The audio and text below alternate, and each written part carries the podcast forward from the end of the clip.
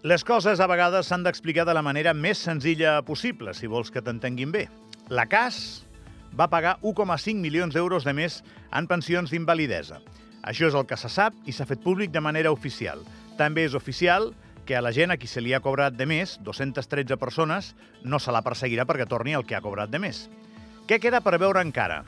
Queda per veure si aquest tema tindrà recorregut judicial i la Fiscalia es mourà per determinar si això pot ser delicte o si les entitats que han anunciat que es mourien per denunciar-ho, l'USDA, per exemple, ho fan i la Fiscalia s'ha de moure igualment, empesa per aquestes denúncies, en la direcció de buscar responsables judicials d'aquestes accions. Queda per veure si la xifra és aquesta, i això ho determinarà un estudi independent, la xifra final, vull dir, Queda per veure, per tant, si és 1,5 milions o si és molt més o si és poc més. Menys ja segur que no serà.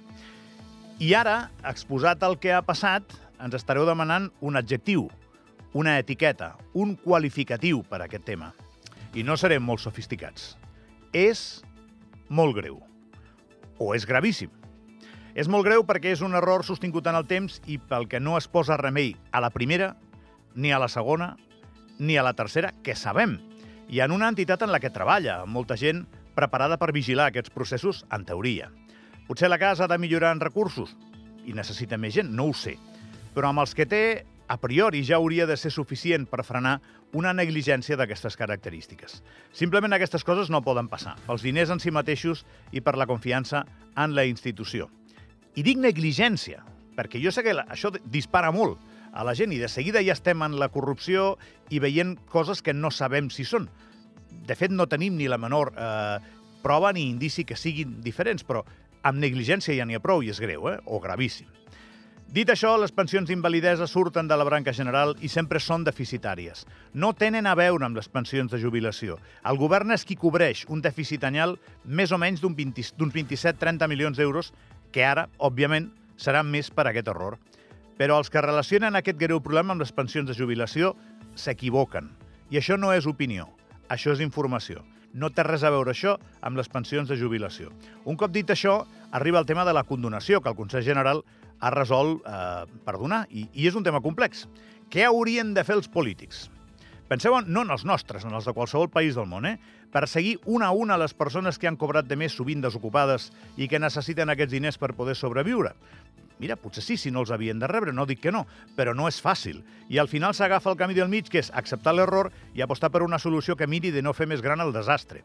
Un altre tema és pensar en la gent que a partir d'ara cobrarà molt menys en alguns casos, el que li toca, clar, però molt menys, menys del que estava cobrant per la negligència de la CAS, i és un trasbals també, eh? Tornant al tema de la justícia, sembla evident que es podria perseguir els responsables del desastre. No sé quina base té aquesta mala gestió a nivell jurídic, no sóc advocat jo. Sí que sé que la directora anterior de la casa, Joaquim Massol, era algú discret, que semblava tenir-ho tot controlat i que tenia la confiança successiva de molta gent i en moltes èpoques diferents, i que, segons s'havia publicat, guanyava 10.000 euros al mes per fer la seva feina, si no m'equivoco. I diràs, és necessari dir això? Home, doncs sí, perquè és un sou de l'executiu que, a priori, quan un és un alt executiu, doncs ha d'estar pendent d'aquests processos. Només faltaria.